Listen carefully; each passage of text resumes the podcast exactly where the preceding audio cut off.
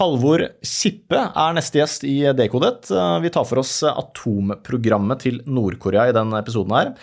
Fra begynnelsen og fram til i dag. Og så ser vi nærmere på Nord-Koreas kjernefysiske våpen og den omfattende missiltestinga til landet. Halvor er sjefsforsker ved Forsvarets forskningsinstitutt, hvor han jobber med å analysere atomprogrammene til Iran, Syria og Nord-Korea. Er veldig vanskelig å se for seg at Nord-Korea skulle ha noe, inter, noe, interesse av å starte en atomkrig. De ville aldri kunne vinne en atomkrig mot USA. Det skjønner alle. Dekodet. All right. Uh, Halvor Kippe, hjertelig velkommen til uh, Dekodet. Tusen takk. Altså, Nord-Korea atombomber, de ordene hver for seg jo, gir jo ekle konnotasjoner. Og når du setter dem sammen, så er det kanskje enda verre. Ja, det kan vi være enige om. ja, eh, Nord-Koreas atomprogram. Eh, skal vi begynne på, Hvor skal vi begynne? Kan vi ta liksom veien fra kanskje fra 50-tallet, hvis jeg har det som er på riktig? Vi kan godt eh, starte der. Altså, eh, det var jo sånn på den tiden at Kim Il-sung var kan man si, fus i alt. Han bestemte det meste der, og det gjorde han egentlig fra landet ble grunnlagt. Og i 1958 da eh, plasserte amerikanerne taktiske kjernevåpen i Sør-Korea. Og da er det mange som mener at det var det som fikk Kim Il-sung til å bestemme at Nord-Korea skulle utvikle kjernevåpen selv. Ja. Og Kim Il-sung det er den første diktatoren i Nord-Korea, er det ikke det? Det stemmer. Og han som har skrevet landets bærende filosofi, for å si det sånn. Ja, riktig. Uh, ble han satt inn på 50-tallet? Uh. Ja, altså Landet ble vel grunnlagt uh, var det på slutten av 40-tallet eller rundt 1950. Ja. Uh, og da var det han som, eh, som, ble nærmest satt inn av Sovjetunionen. da. Ja, ikke sant. Men uh, atomprogrammet i starten det var vel sivilt, i hvert fall på papiret. Det handla om å få kjernekraft inn i landet, ikke sant? Få strøm på nettet, eller? Ja, altså Det er ofte en sannhet med modifikasjoner i de sammenhengene der. Men de, de var jo i kontakt med Sovjetunionen ganske tidlig, altså på 60-tallet. Og Der var tanken at man skulle lære opp nordkoreanske spesialister. Man sendte dem til Sovjetunionen for opplæring. og Sovjetunionen bisto i å bygge et kjernefysisk forskningssenter, og, og etter hvert med en liten forskningsreaktor. Eh, av en sånn type som Sovjetunionen tilbød til flere andre stater på den tiden der, for at man skulle ha muligheten til å produsere nyttige isotoper og forskjellige ting. Og altså ikke en reaktor som var spesielt egnet verken til kjernekraft eller kjernevåpen. Okay. Ja, og med sånne reaktorer så fulgte det gjerne etter hvert et krav fra Sovjetunionen, og det gjaldt også den nordkoreanske reaktoren, om at det måtte være internasjonale inspeksjoner av den reaktoren. Ja. Men var det noe som kom seg inn i landet på den tida? Lettere enn i dag, kanskje? Ja, altså, Så vidt jeg husker, så tror jeg den avtalen med inspeksjoner for den reaktoren kom i 74, så det tok noen år også før den kom på plass. Og dette var jo også veldig tidlig for hele dette internasjonale inspeksjonsregimet med Det internasjonale atomenergibyrået, så det var ikke så vanlig andre steder heller. Men eh, IAEA, atomenergibyrået, har vært inne og inspisert den reaktoren ved noen anledninger i dens levetid. Og det er heller ikke den reaktoren vi, vi ser som spesielt relevant i kjernevåpenprogrammet. Nei. Men det var altså en del av en, eh, kall det en eh, i hovedsak sivil grunnleggende kjernefysisk eh, opplæring da, og mm. satsing. Mm. Ja. Eh, men dette senteret ble jo utvida seinere, og eh, rundt 1980 så begynte Nord-Korea å bygge en annen type reaktor, som var eh, på papiret en eksperimentell kjernekraftreaktor, basert på en britisk modell, såkalte Calder Hall-reaktoren. I det vi da kaller Sellafield. Altså dette er en førstegenerasjons kjernekraftreaktor. Fullstendig utdatert etter moderne standarder. Og da, når vi sier moderne standarder for kjernekraft, så snakker vi 70-tallsteknologi. Men denne var altså utdatert sammenlignet med det. Oi.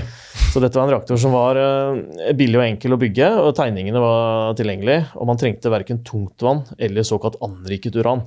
Altså Når du henter uran ut av bakken, så kommer den med en sånn naturlig sammensetning hvor det er en veldig liten andel av den virksomme isotopen uran-235. Riktig. Og I moderne kjernekraftverk så må du såkalt anrike dette uranet, for, hvor du øker andelen av den virksomme isotopen. Mm. Og Det er kostbart og det er veldig teknologisk krevende, men det trenger du ikke hvis du har en sånn Color Hall gassgrafittreaktor som sier. Da er det grafitt som står i reaktorkjernen, og så er det karbondioksid som kjøler reaktorkjernen. og Da kan du kjøre den på naturlig, ikke-anriket uran.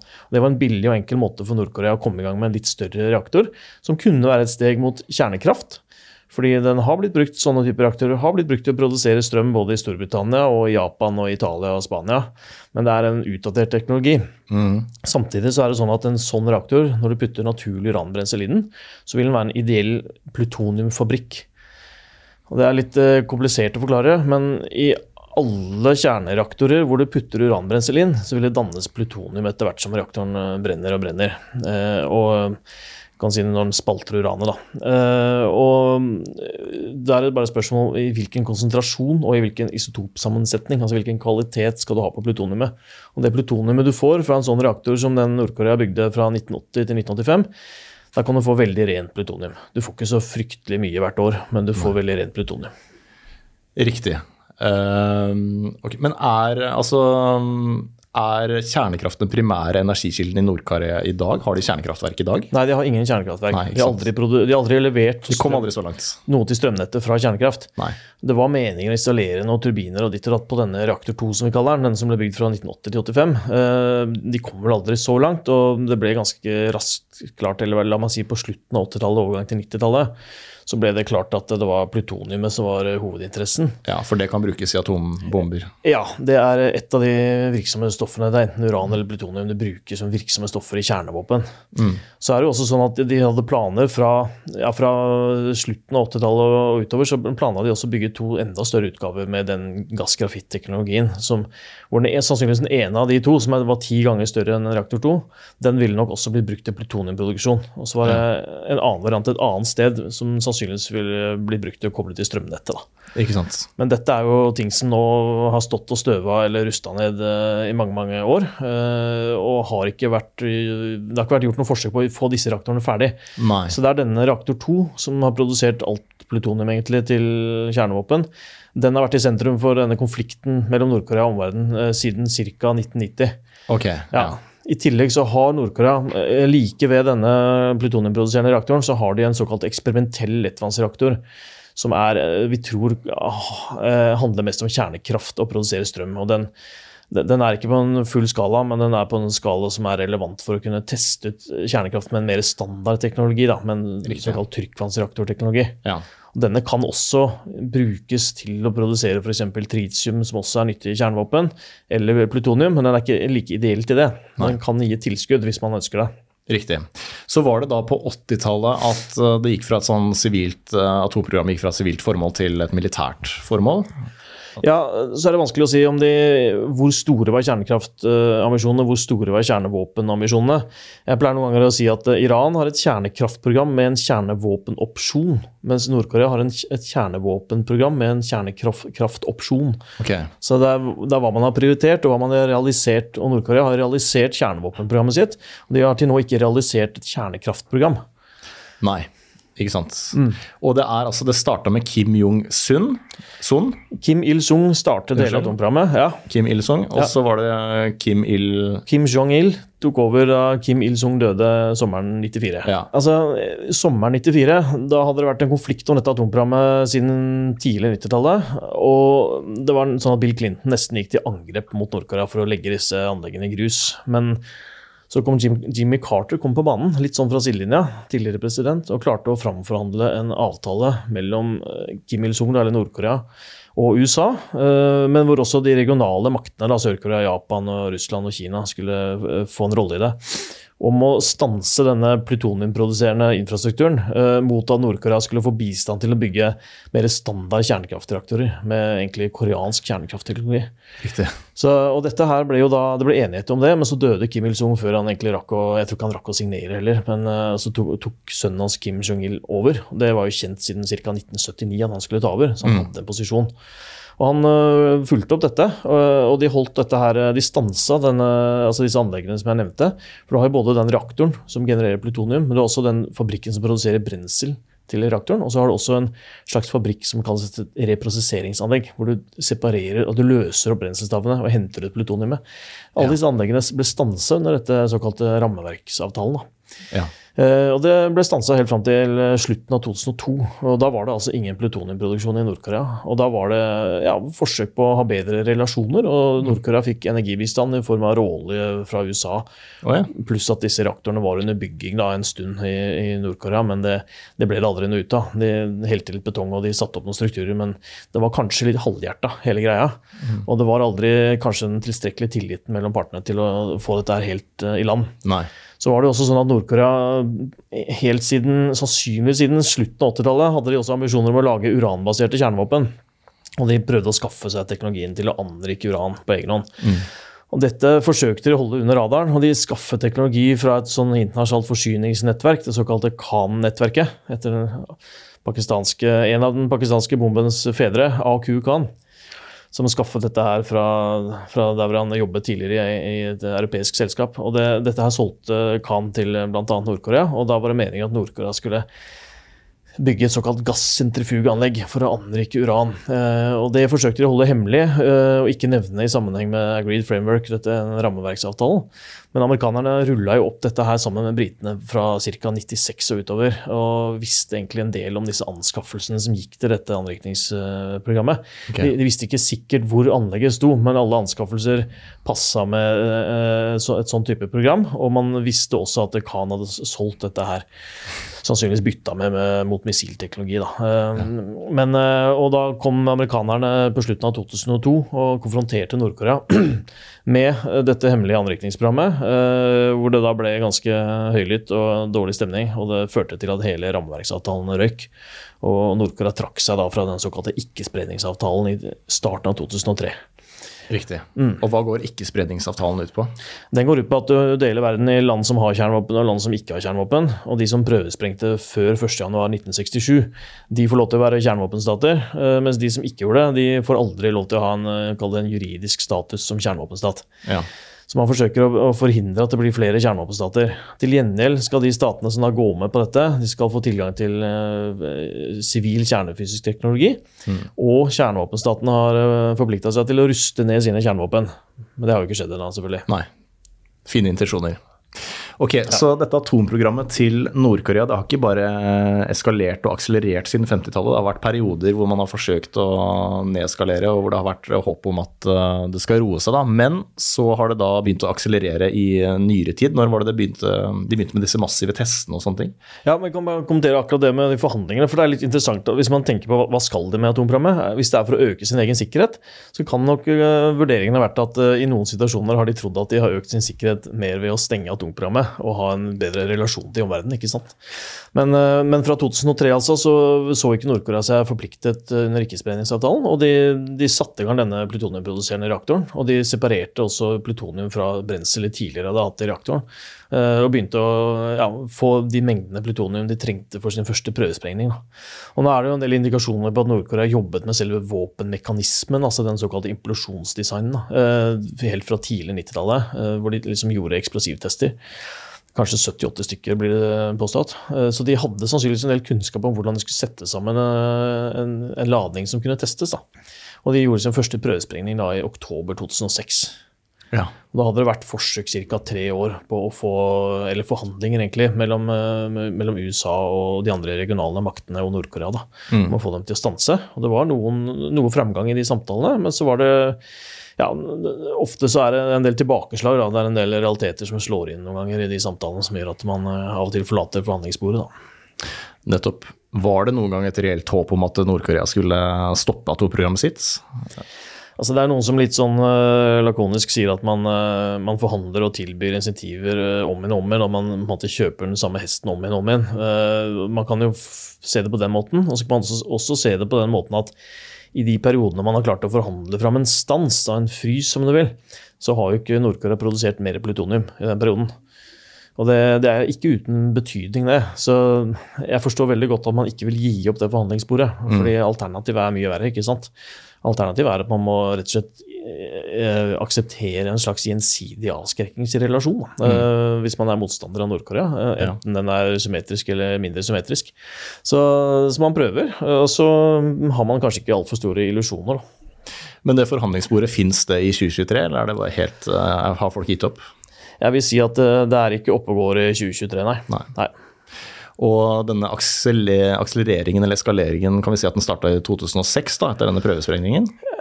Jeg vil si at det, det er litt vanskelig å si det så enkelt. Altså de, de, de satte i gang en atomprogram i 2003, og så vil jeg også anta at de jobba ganske hardt for å få dette anrikningssporet, uransporet, opp og gå. Men det var først rundt 2010 at de viste fram et ferdig anlegg på det. Uh, og så dør jo da uh, Kim Jong-il. Uh, det var vel i slutten av 2011. Uh, og da tar jo sønnen hans Kim Jong-un over. Og han har satt enda mer fart i sakene. Og, det, og da tenker jeg spesielt på leveringsmidler. Fordi det er en, også for Nord-Korea en politisk kostnad ved å teste langtrekkende ballistiske missiler. Uh, og det ble ikke gjort så veldig ofte under disse to fedrene, altså Kim Il-sung og Kim Jong-il. Men under Kim Jong-un så har det vært en voldsom økning i missiltester og utrulling av nye missiler. Ja. Som er relevante for å levere kjernevåpen. Hvor mange missiltester snakker vi om her i nyere tid, liksom? Det, jeg har ikke et oppdatert tall, men det har virkelig skutt i taket. Og det har enkelte år hvor de har testa mer enn en alle til sammen under de to første. ikke sant? Så, Ja. så det, er, det har gått litt under radaren. For I 2017 særlig så testa Nord-Korea en del missiler som gikk lenger enn noe annet de har testa før. Og da var det veldig mye mediestyr i den vestlige verden. Det var overskrifter overalt. Og veldig mye oppstyr. Men nå, det siste året har de jo testa enda mer langtrekkende missiler som kan ramme ethvert mål på kloden. Eh, og nå For bare et par uker siden testet de for første gang et eh, missil som kan uh, nå sannsynlig vi, vi har ikke alle dataene på det, men det kan sannsynligvis ramme de fleste mål, i hvert fall i Nord-Amerika, med, med et kjernevåpen. Uh, I hvert fall et kjernevåpen som kanskje ikke veier et tonn, da, men, men kanskje noen få hundre kilo. Og Det er et missil som drives av fast drivstoff, og som, som da er noe helt annet enn det de har testa før. Ja. Og når du nevner uh, ballistisk missil, Ja. så betyr ballistisk at det er en krum bane, rett og slett? Gjør det ikke det? Det er riktig. Ja. Disse missilene, hvis de går noen, fra noen hundre kilometer og enda lengre, så er de ute i verdensrommet underveis. og De skytes opp som det, det vi kaller en klassisk rakett, bare at den er styrt mot et mål på bakken og går i en krum bane. og Den brenner ut motorene tidlig i fasen, og så er den i glideflukt uh, i, i fritt fall, om du vil. da, eh, Siste delen av flukten. ikke sant? Ok, Så det er ikke noe GPS uh, montert her? Du Ja, kan ikke styre underveis? Det finnes, sånn flere måter å styre på i den såkalte boost-fasen, altså i oppskytingsfasen. Så de, så de vil helst ha den sikta inn i det motorene brenner ut. da. Men så finnes det også for litt mer avanserte systemer mulighet for å justere litt på kursen i den fasen etter å ha kommet inn i atmosfæren igjen. Ja. Og det har Nord-Korea minst ett system som kan gjøre, men det er, det er ikke de mest langtrekkende systemene. Riktig, så det er ikke de mest presise missilene vi snakker om. De kan ikke treffe et mål på liksom en, eh, altså på fem meter, da, eh, differanse. Fem meter kan du nok glemme, men, øh, og det har også vært et veldig sentralt tema. Hvor presise kan disse være? For én ting er å ha GPS, eller dette tilfellet kanskje russisk eller kinesisk variant av GPS, men man har såkalte treghetssensorer. Altså man, man får en eksakt posisjon før man skyter opp, og så har man akselerometer og gyroskoper da, som, som følger med på retningen og, og integrerer opp kan si, hvor du befinner deg da, underveis. Og den skal ta deg så presist som mulig til målet. Men det er klart at hvis du har en gitt sånn tregisnavigasjonsteknologi, så er det jo sånn at jo lengre du skyter, jo større blir feilen. ikke sant? Og Før i tiden så hadde Nord-Korea, altså på 80- og tidlig 90-tallet, så hadde de Scud-missiler som kunne bomme med en kilometer eller to på 100-200-300 km. Og hvis de da skal skyte 9000 km, da, så blir Ja. jo den feilen desto større. Så det er et veldig viktig spørsmål det der med presisjonen. Og det har vi ikke gode nok data på egentlig til å kunne si så veldig mye sikkert om. da. Nei. Men står kjernekraftsteknologien i Nord-Korea tilbake for Russland og USA, eller er det på høyden? vil du si? Hvis du snakker om kjernekraftteknologien, så har vi jo, det er det bare noen få nasjoner som, som kan sies å være på høyden. Uh, hvis du snakker om kjernekraft. Ja, jeg mente Ja. atombombeteknologien, uh, atom... eh, Hvis du snakker om bombeteknologien, rett og slett. Ja. så, så må vi skille litt mellom stridshoder og leveringsmidler. Hvis du f.eks. tar det missilet de nå testet for et par uker siden, som har tre trinn og fast drivstoff, så hadde russerne og amerikanerne dette her eh, tidlig på 60-tallet. Russ- eh, Amerikanerne hadde vel sin første Minuteman 1 i 1962, så vidt jeg vet. Og det var et sammenlignbart missil som kunne treffe ethvert punkt i Sovjetunionen med et, eh, med et stridshode på kanskje bortimot et tonn. Så det er jo teknologi som ikke er ny, og som amerikanerne og russerne får til mye bedre i dag, og kineserne sikkert, men som gjør jobben, da, eh, og som er godt nok. Eh, Og den, eh, de missilene som har flytende drivstoff, som er egentlig de fleste av dem, det er også sammenlignbart med hva russerne hadde på 60-tallet, for det er jo der det har sitt genetiske opphav også, ikke sant, disse Ja. motorene. Så det kan vi sikkert snakke mer om òg. Men når det gjelder stridssonene, så er det jo en ting er hva de har prøvesprengt. Og da har vi jo seismiske data som gir oss en pekepinn om eh, hvor kraftig, altså hvor sprengkraften til våpnene. Og da må man gjøre noen antakelser om dybde og, og bergart og sånne ting. Eh, Men der har vi sånn rimelig grei oversikt over det. Men så vet vi jo ikke hvor, eh, altså hva volum og vekt er på disse tingene de har prøvesprengt. Men de har vist fram noen modeller, og nå bare for en ja, måneds tid siden eller sånn, så viste de fram flere sånne prototyper av det de sier er taktiske stridshoder, altså små, kompakte stridshoder. Men når du sier kompakte og taktiske, så kan det fort være da oppå kilotonnivå, altså sammenlignbart med bombene som ble sluppet over Hiroshima og Nagasaki. Det kan fort være det vi snakker om. Det kan også hende de mener 10% av de bommene. Så det er jo voldsomme ting vi snakker om. Men poenget de skulle få fram, var at de kan lage dette ganske smått, sånn at de kan leveres ja. av en rekke forskjellige leveringssystemer. da. Både ja. kryssemissiler, altså missiler som flyr som et lite fly, eh, og som puster oksygen fra atmosfæren. Mm. Eh, men også mer sånne Stalin-orgel- eller HIMARS-lignende systemer, da, med, med, litt større diameter. Så, så de har eh, egentlig uforholdsmessig mange potensielle leveringsmidler for kjernevåpen. Mm. Altså, jeg har ikke et oppdatert tall i hodet, og det er heller ikke sånn at vi vet sikkert hvem som er til kjernevåpen og ikke. men jeg vil si rundt 15 ulike systemer kan vi se for oss at Nord-Korea kan bruke til å levere kjernevåpen. Riktig. Som vi i hvert fall ikke kan utelukke. da. Er det mye eller lite sammenlignet med Sovjet, eh, USA? Det er, eh, jeg vil si det er mye sammenlignet med alle kjernevåpenstater i dag. Da. For det er ikke så mange som har så stort mangfold i enkle leveringssystemer for kjernevåpen. Og så er det forferdelig mange sammenlignet med hvor lite plutonium de har. Mm. Eh, for de har sannsynligvis ikke så veldig mange stridshoder. Og det, Der er det et misforhold. Og så kan man si at de kanskje tenker litt framover, at de ønsker å produsere mer plutonium på sikt og lage mm. enda flere kjernevåpen. ikke sant? Ikke sant. Hva er, eh, hva er målet med dette atomprogrammet i Nord-Korea? Er de nær målet nå, eller har de nådd målet, eller skal de utvikle videre? Ja, Det er et godt spørsmål. altså da Nord-Korea testet Hwasong 15, som er et interkontinentalt ballistisk missil, altså et missil som sannsynligvis kan ramme hvor som helst i Nord-Amerika med et termonukleært, altså et veldig kraftig stridshode. Det testa de 29.11.2017, og etter det så erklærte Kim Jong-un at nå er eh, kjernevåpenprogrammet komplett, og nå er vi over i en produksjonsfase og ikke en utviklings- og testfase. Men så gikk det da bare noen få år, og så tror jeg det var nyttårstalen i 2021, hvor han la fram en masse planer om at nå girer vi om, og nå skal vi ha atomubåter, og vi skal ha faststoffmissiler som går interkontinentalt, og vi skal ha det ene etter det andre. Og taktiske kjernevåpen har han sagt flere ganger. Så det betyr vel at han har sett på de kjernevåpnene de har hatt til nå som strategiske. altså At han vil ha dem over på andre, mer fleksible plattformer. Eh, ja. Så eh, man har sett egentlig både kvantitativt og kvalitativt en, en oppgiring siden 2017 også. Og hyppigheten av missiltestene har gått i været. De har ikke hatt noen flere atomtester siden 2017. Så de, de, har hatt seks atomtester, og så ser det ut som de har gjort i stand det atomtestfeltet sitt i Pungieri eh, i fjor vår. Og så har det egentlig stått litt i standby siden, og så har man egentlig ikke klart å, å, å finne ut når det er mest realistisk at det kommer en test. da. Nei. Hva tror du om de neste åra? Vil det fortsette å eskalere med testing og sånne ting? Ja, altså Man kan spørre seg hvorfor de setter i stand eh, testfeltet. Um, kanskje det er bare signalisering? Kanskje de har tekniske grunner til å teste?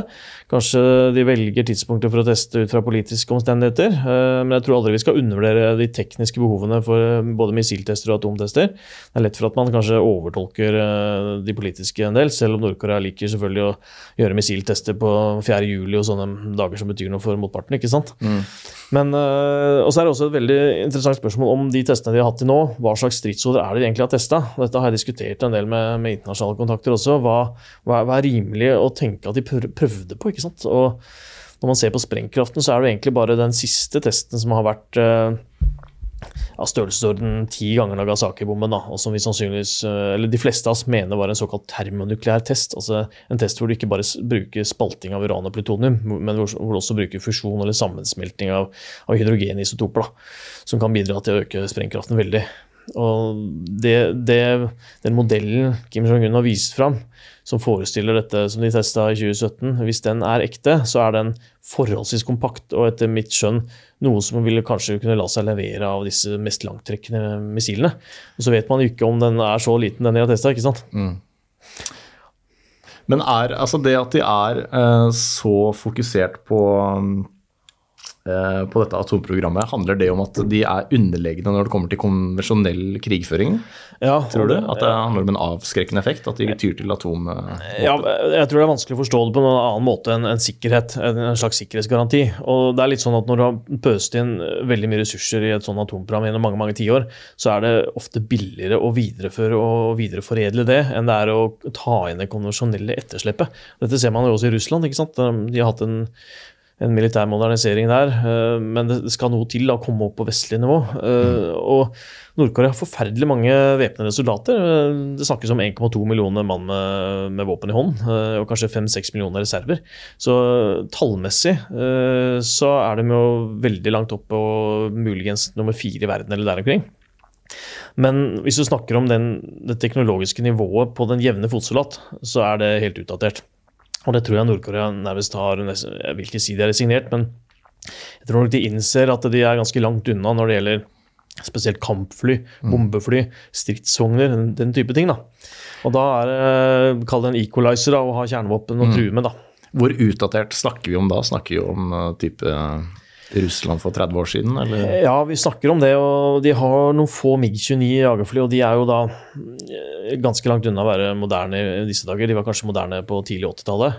Ja. Det tror jeg, tror jeg, så vidt jeg vet, er det mest moderne kampflyet de har. Eh, Men nå er det ikke det som er mitt spesialfelt. Men det, det, er, man, man ser ikke på fly som er relevante for kjernevåpen engang i Nord-Korea, fordi det er så lite de har.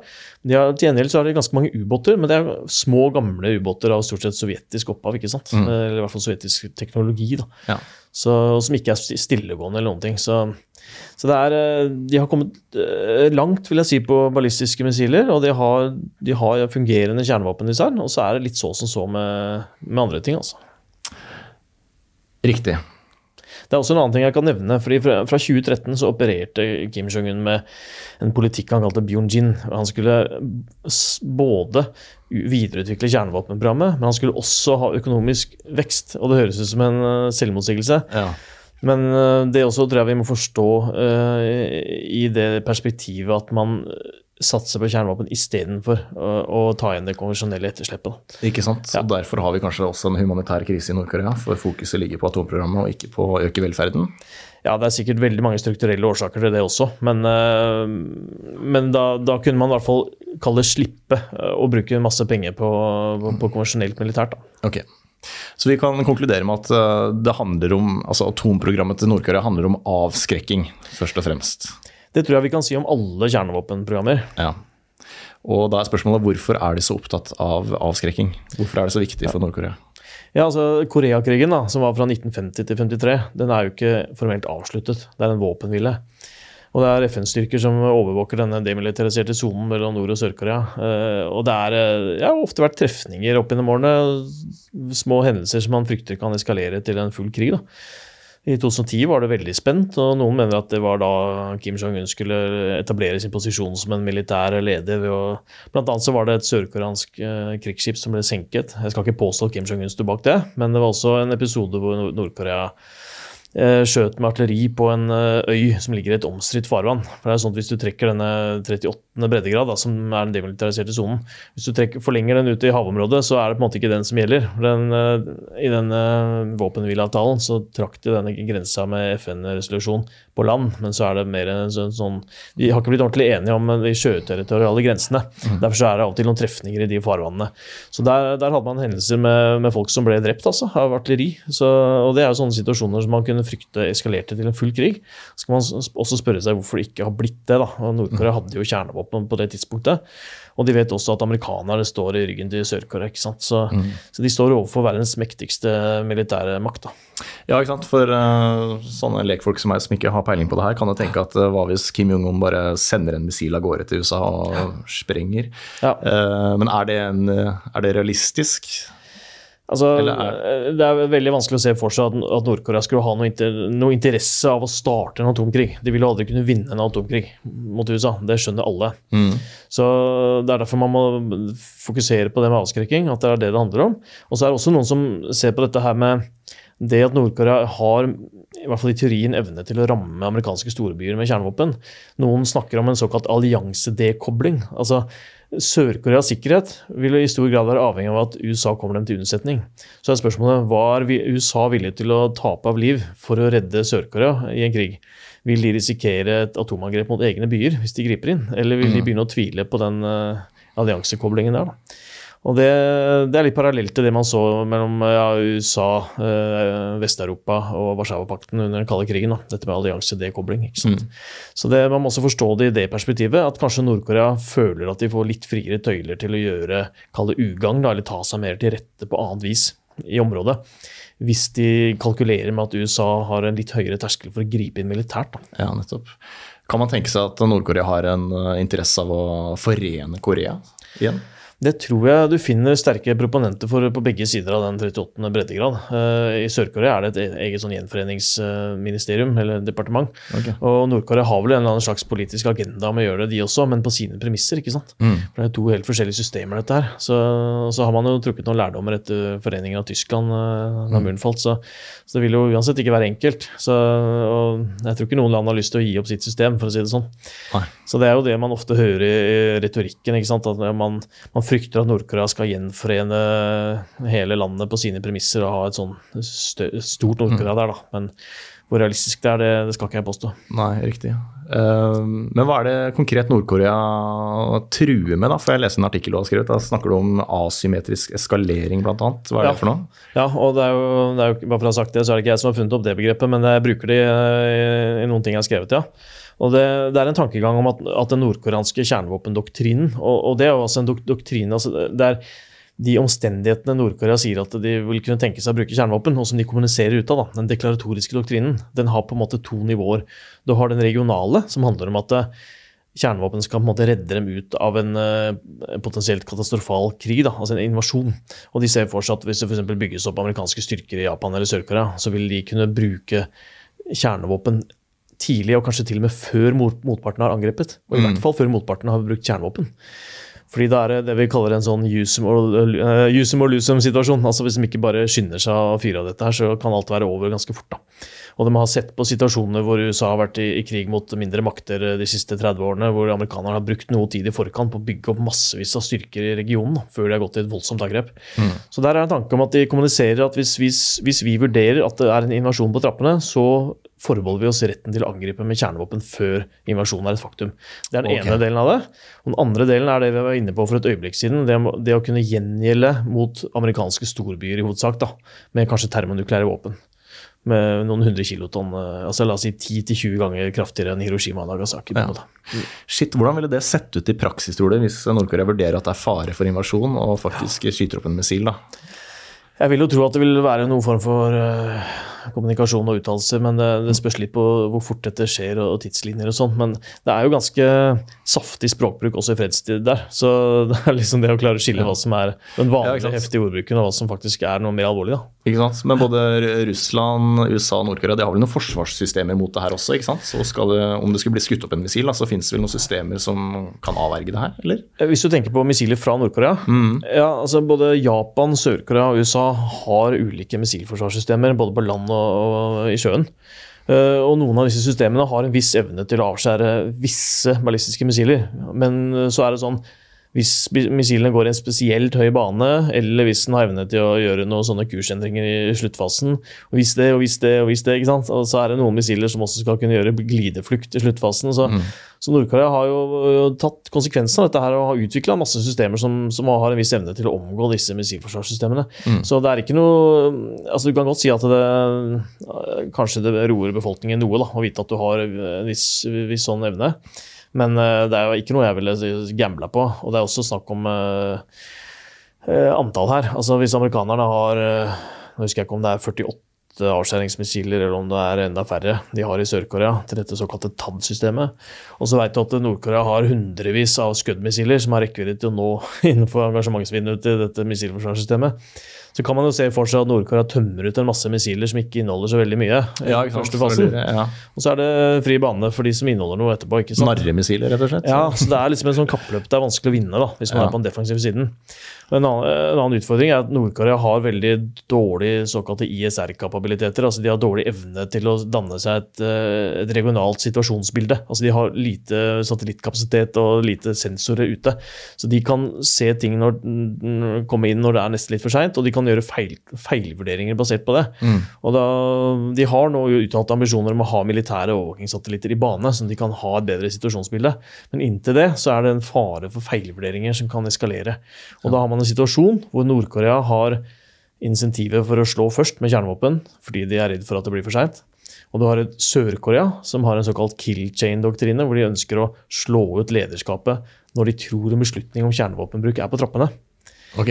Så de ønsker å slå først. Og så har du USA, som også har en ambisjon om å slå til mot Nord-Korea når de ser at Nord-Korea forbereder det som sannsynligvis er en oppskyting av et kjernefysisk bestykket missil. Da. Så du har tre parter som ønsker å slå først da, i det teatret der. Så Ja. det er ganske skummelt å tenke på, egentlig. Ja. Eh, drømmer Nord-Korea om å bli uh, verdens største atommakt, tror du? Eller hva, hva er målet her til slutt? Jeg vil kanskje ikke bruke, jeg har ikke grunnlag for å bruke de ordene, men det er jo veldig påfallende hvor mye de skal ha. Man kan, man kan jo sammenligne med f.eks. Storbritannia, som er en kjernevåpenmakt, men ja, om de har en rundt 180 aktive stridshoder eller der omkring, moderne stridshoder, hvor alle stridshodene befinner seg på ballistiske missiler om bord på strategiske atombåter. Så de har ett leveringssystem og ett type stridshode, og det gjør jobben for dem i avskrekkingsøyemed. Og nå er dette topp moderne ting med måte, de mest avanserte ballistiske missilene. Men da er kontrasten stor da, til et Nord-Korea som kanskje, kanskje har noen titalls stridshoder, fordelt på da Ja. kanskje et sted mellom 10 og, 10 og 16-17 forskjellige leveringsmidler, for alt jeg vet. Mm. Det gir ikke helt mening hvis du sammenligner. da. Så mm, Det er et misforhold. og Når de da også snakker om at de har lyst til å ha atomubåter i framtiden, da må de utvikle en reaktor til å drive denne, ikke sant? og de er ikke i nærheten av det. Så, så de skal liksom gjøre alt. Og de har testa missiler som er avfyrt fra en sånn uh, lekter som er senket ned i en innsjø. Og de har missiler avfyrt fra tog. Missiler avfyrt fra sannsynligvis en, en, en sånn slags prototyp silo. Og de har landmobile ramper, altså svære lastebiler som kjører rundt på veiene og som kan avfyre missiler. ikke sant? Og det, det er så mye. eh, Så det er veldig, veldig merkelig. Du kan godt kalle det en diversifisering, og kanskje man gjør at det er vanskeligere for motparten å vite hvilket missil som har kjernevåpen, og hvis alle kan ha det, så må du ha mange ulike typer systemer for å slå det ut. Det kan være sånne grunner, da. Og man ser litt av det samme i Kina, at man har forferdelig mange typer plattformer da, som kan bære kjernevåpen. Ja. Men det ser litt rart ut. Ja, det gjør det. Og jeg tenker det må jo ha kosta Det må jo koste mye penger. Jeg lurer på liksom hvordan finansieres atomprogrammet, veit du det? Ja, jeg, jeg kan ikke si noe sikkert om hvordan det finansieres. og Den nordkoreanske økonomien er veldig annerledes enn vår. og Jeg har sett noen påstå at det, at det samlede BNP i Nord-Korea for noen år siden var på størrelse med Oslo by si- sitt BNP, da, hvis du kan kalle det det. Eh, jeg vet jo ikke om det stemmer, eh, og det er vanskelig å, sammenligne de beløpene og de, med de valutaene og den, den økonomiske, altså det, det økonomiske systemet der. Men det man kan i hvert fall si er at Nord-Korea tjener en del hard valuta på å selge våpen til bl.a. afrikanske land, og til Midtøsten har de solgt missiler, ballistiske missiler. Ja. Eh, og, Man så denne dokumentaren 'Muldvarpen' for noen år siden. jeg, litt, jeg, jeg visste jo en del om hva som selges da fra nordkoreansk side, men jeg har aldri sett en prisliste før, før den dokumentaren, hvor du kan kjøpe alle mulige ulike systemer, inkludert ballistiske missiler. sant? Ja. Så det var litt overraskende, og det viser jo hvor eh, la oss si skamløse de er når det gjelder å tilby sånt. Man hører også mye annet av de trykker dollarsedler og, og Ja, ja, gjør cyberkriminalitet for å skaffe penger og forskjellig. men. Så det er nok en del metoder når man liksom er satt litt på siden av verdenssamfunnet, så Mm. bruker man de metodene man har da, for å skaffe hard valuta. ikke sant? Hvor får de eh, materialer og råvarer fra? Du sa at sant, de har utvinna sin egen plutonium, men eh, andre ting må de kanskje importere fra Kina? Jeg vet ikke. Ja, Landet har ganske mye mineraler, og de har e- sitt eget uran. Så de framstiller uranet selv. Og da, da har de egentlig alle de kjemiske prosessene som skal til for å, for å produsere uran i riktig kjemisk sammensetning. Øh, Og til å behandle dette her til brensel og, og til forskjellig sånt. Og så, men så er det jo også da selvfølgelig til missiler og, og til mer sånn sprengstoff og sånne ting. Så de har jo ammunisjonsfabrikker og de har sprengstoffabrikker og de har veldig mye. da, Og de har også ganske, fått etter hvert ganske mange avanserte sånne formgivningsmaskiner. Altså sånne datamaskinstyrte dreie- og fresemaskiner og den type ting. da, Som er helt nødvendig for å ha avanserte våpen. da.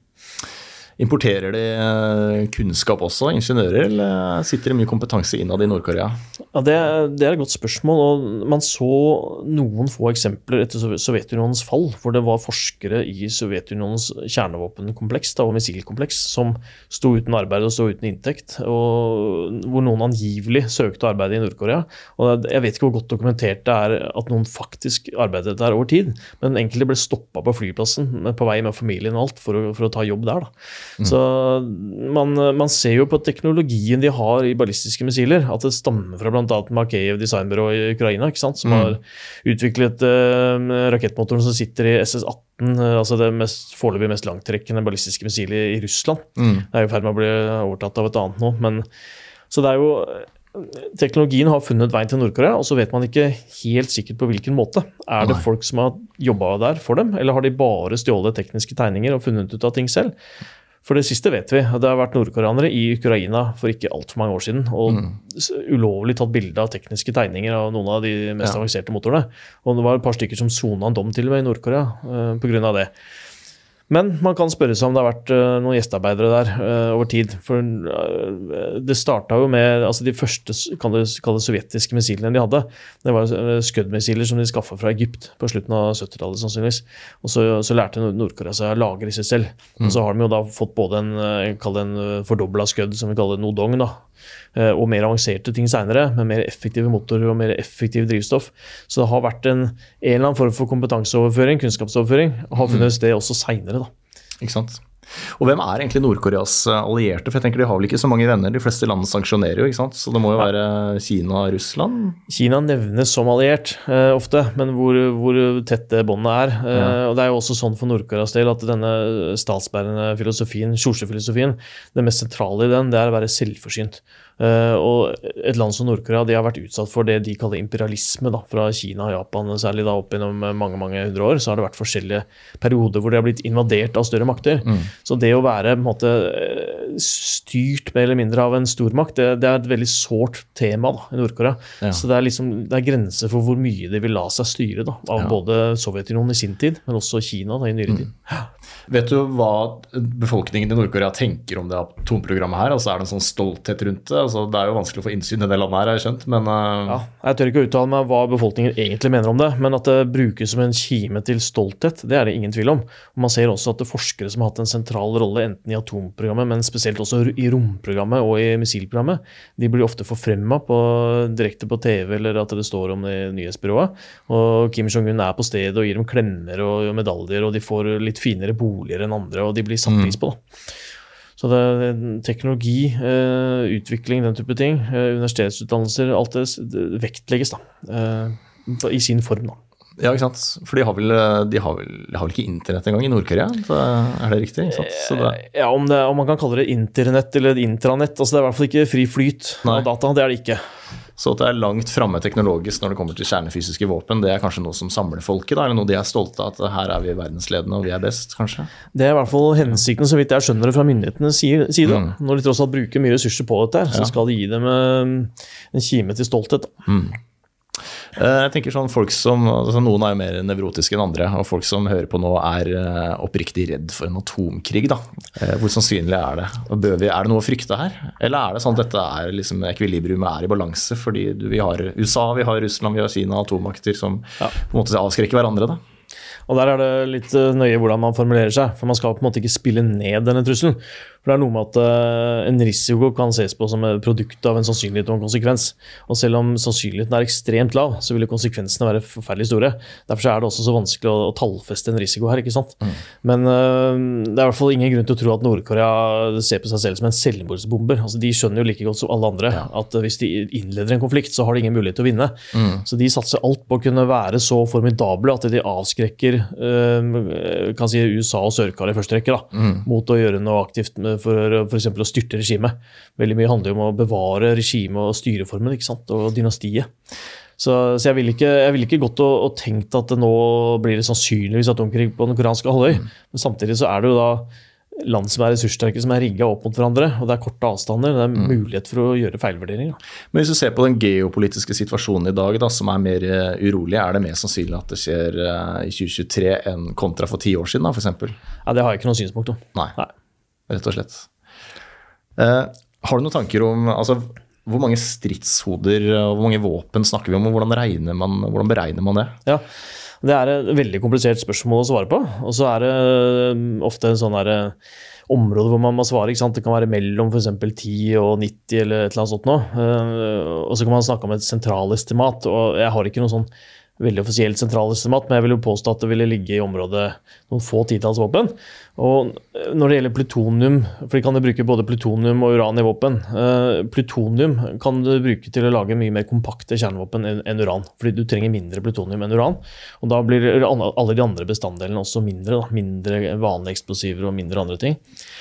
Og, så Det er det du egentlig ønsker mest av hvis du skal ha et uh, avansert kjernevåpenprogram. Og Der har vi ganske bra oversikt. Altså Der kan vi ganske enkelt estimere hvor mye plutonium de maksimalt kan ha produsert. For det handler om hva vi vet om denne plutoniumproduserende reaktoren. Vi vet maksimale effekten på den. Og når vi ser at reaktoren er i drift, så kan vi regne ut den maksimale mengden i en, en kampanje, en driftskampanje. Okay. Så vi har, et, vi har, et, øvre tak, og så er det sannsynligvis det reelle tallet mindre fordi man ikke har makseffekt hele tiden. og så er det noe prosesstap når man framstiller plutoniumet eller henter det ut av brenselet etterpå. Så det gir en øvre terskel, eh, og da får man ikke veldig mange våpen hvis man bare tenker plutonium.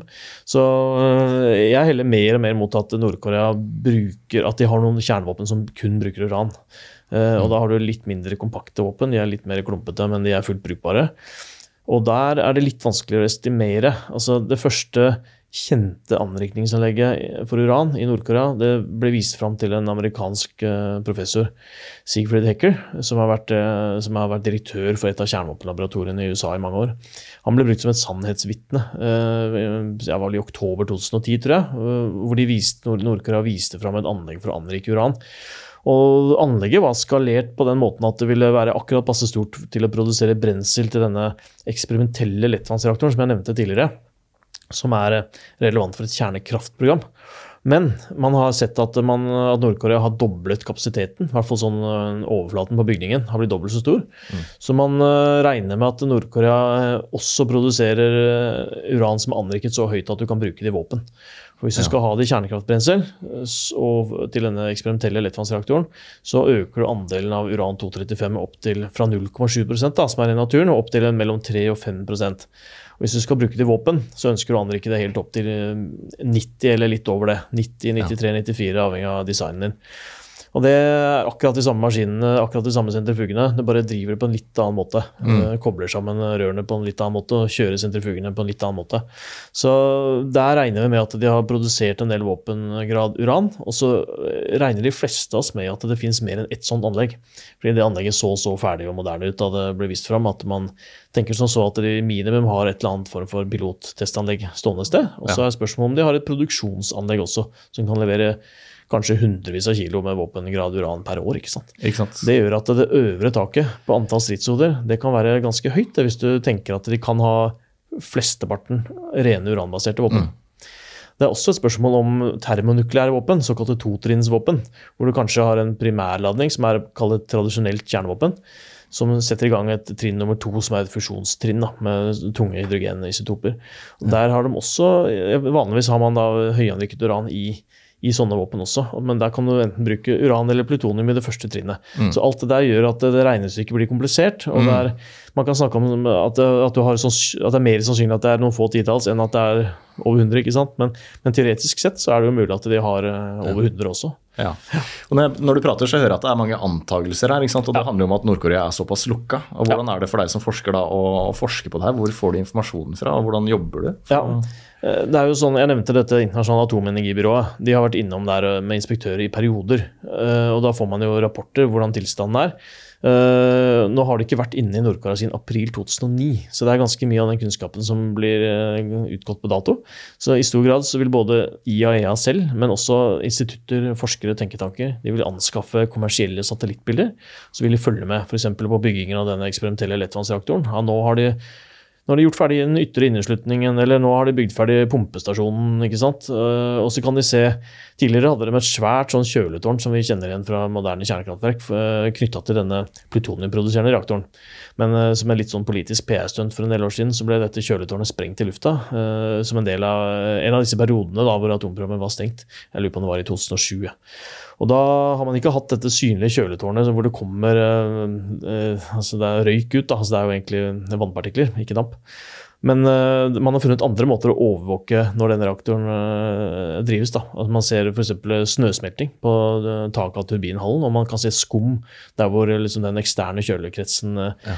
spytter vann ute i Kurjongelva. Da. Så kan man si at det skummer. ikke sant? Så, så man har sånne indirekte måter å vite at den reaktoren er oppe og går på. Ja. Så altså kan man også se når brenselet tas inn i denne, dette reprosesseringsanlegget, så er det visse varmesignaturer. Mm. Det er bl.a. en del de bruker en del damp i det anlegget. og Da kan man se når det er eh, varmeutvikling i dette, eh, damp, altså dette dampgeneratoranlegget som er eh, like ved siden av. Da, som er kulldrevet. Så, og så kan man se jernbanevogner med kjemikalier og en del sånne ting. Da. Er satellittbilder. Og du er på en måte del av et internasjonalt forskningsmiljø som utveksler, utveksler informasjon dere imellom, eller? Ja, det er jo en del sånne ting som diskuteres. eh, ja, noen ganger nesten i sann tid, altså når Nord-Korea har parader i Pyongyang f.eks. Da, da får man jo ganske mye informasjon om leveringsmidlene. Da sitter jo folk nærmest og kommenterer i sann tid på Twitter. ikke sant? Og vi gjør målinger av diametere og forskjellige ting og gjør observasjoner som er relevante. da. Ja. Så, så det, er, men det er veldig nyttig å diskutere sånne ting med, med andre, ja. Hva er det forskningen din dreier seg om akkurat nå i 2023, og hva, hva jobber du med fremover de neste årene? Uh, ja, det, du vet at det, er, det er ikke sånn at jeg alltid har prosjekter knyttet til Nord-Korea. Jeg, okay. jeg holder et blikk på det, og Ja. jeg har av og til uh, finansiering til å gjøre konkrete prosjekter på det. Det siste jeg gjorde på det, er vel sannsynligvis den rapporten du nevnte tidligere her, hvor jeg så på denne sammenhengen mellom den doktrinen Nord-Korea kommuniserer, altså de omstendighetene hvor de vil bruke kjernevåpen. Eh, Og da må man jo liksom tolke denne ganske drøye ordbruken til mer sånn standardspråk, eh, og, så, og, og se om de har eh, midlene til å måte gjennomføre det. Om de har eh, evnen til å, til å bruke kjernevåpen på den måten de sier. Da. Så det var jo et arbeid jeg gjorde for noen år siden. I år så har jeg ikke et prosjekt på kjernevåpen, jeg har derimot et, eh, et prosjekt som handler om kinesiske kjernevåpen. Og da, da handler det om eh, noen beslektede temaer om dette med litt sånn katt og mus-lek. da, At eh, noen ønsker å ramme kinesiske kjernevåpen før de blir tatt i bruk. Og så utvikler da Kina andre type leveringsplattformer som skal være mindre sårbare for den type angrep. Samtidig så er det også missilforsvarssystemer ikke sant, i land som Kina kan tenkes å komme i konflikt med. Eh, Og så lager Kina da eh, leveringssystemer som kan omgå missilforsvarssystemer. Så det er et slags sånn sårbarhetskappløp, da, defensivt og offensivt. Det er liksom tema for et eh, forskningsprosjekt som vi er i, i startfasen med nå. Jeg og, og noen på instituttet mitt, og også en ved Institutt for forsvarsstudier som heter Henrik Him. Spennende Ja. og litt skremmende er det jo. um, Halvor Kippe, du er altså sjefsforsker ved Forsvarets eh, forskningsinstitutt.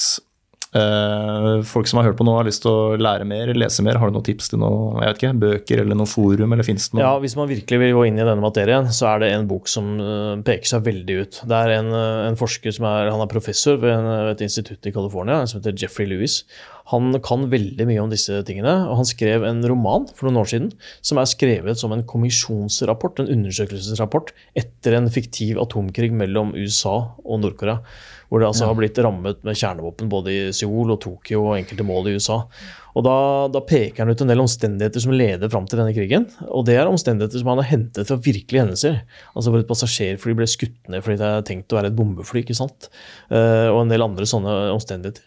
Og det er ganske skremmende lesning. eh, men den gir egentlig ganske mye kunnskap om de reelle omstendighetene. Eh, Selv om det går fryktelig gærent i denne boka, så, Ja, så er det en del eh, ting som er, er riktig. da. Spennende. Hva het den, sa du?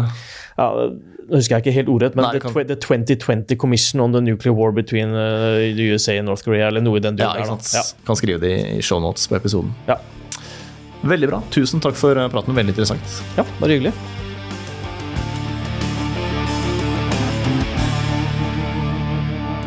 Det, det, det, det, Dekodet.